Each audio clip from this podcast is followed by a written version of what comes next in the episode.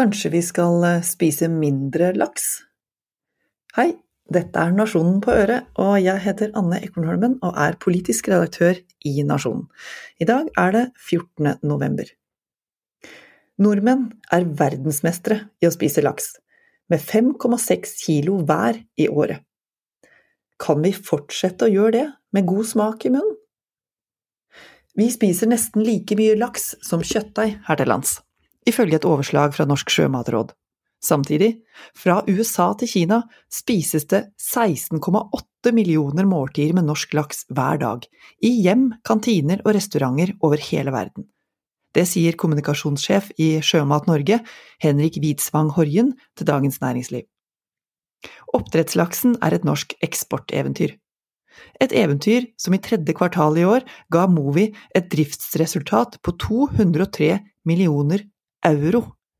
Vi snakker om verdens største lakseprodusent med 11 500 ansatte.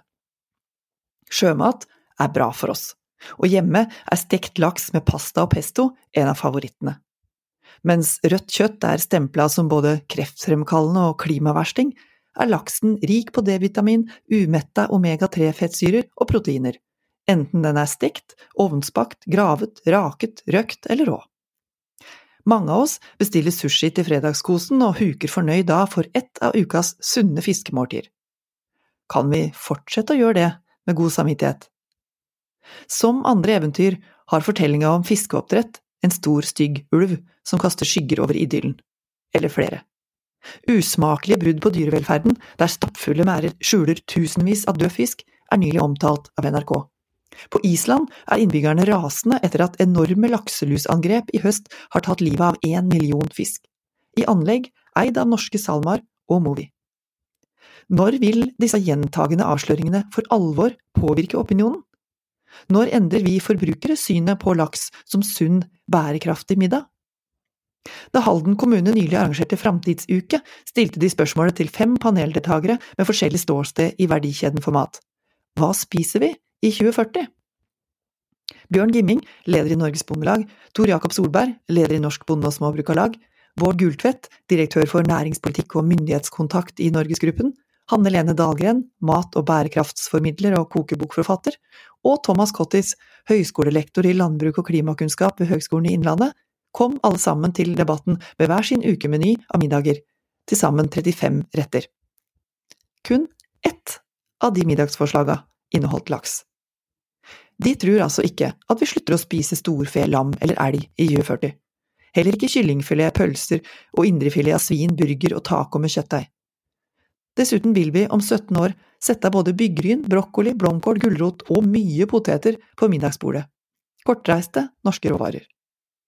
Alle fem spådde også at vi serverer minst to sjømatmåltider som ørret, torsk eller annen hvit fisk og blåskjell, bare ikke laks den gir mange dårlig smak i munnen, i overført betydning.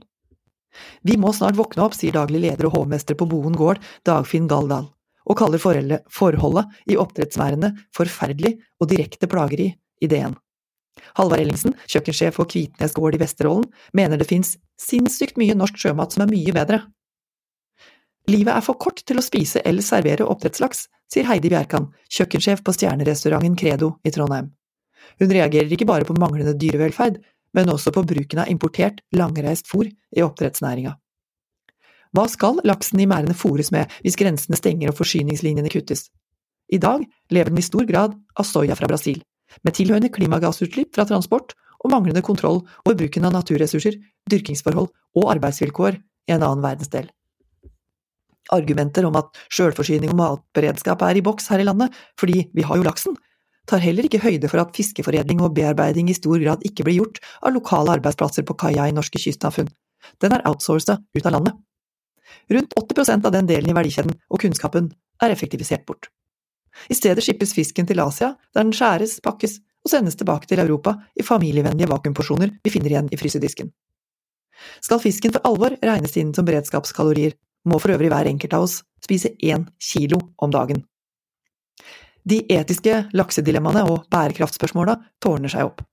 I sommer fortalte Panorama Nyheter, tidligere Bistandsnytt, om hvordan den lille, sildlignende fisken sardinella har gått fra å være menneskemat til å bli en konkurranseutsatt kommersiell bestanddel i fiskemjøl, og dermed i stedet blitt fôr til oppdrettsfisk i Kina og Europa.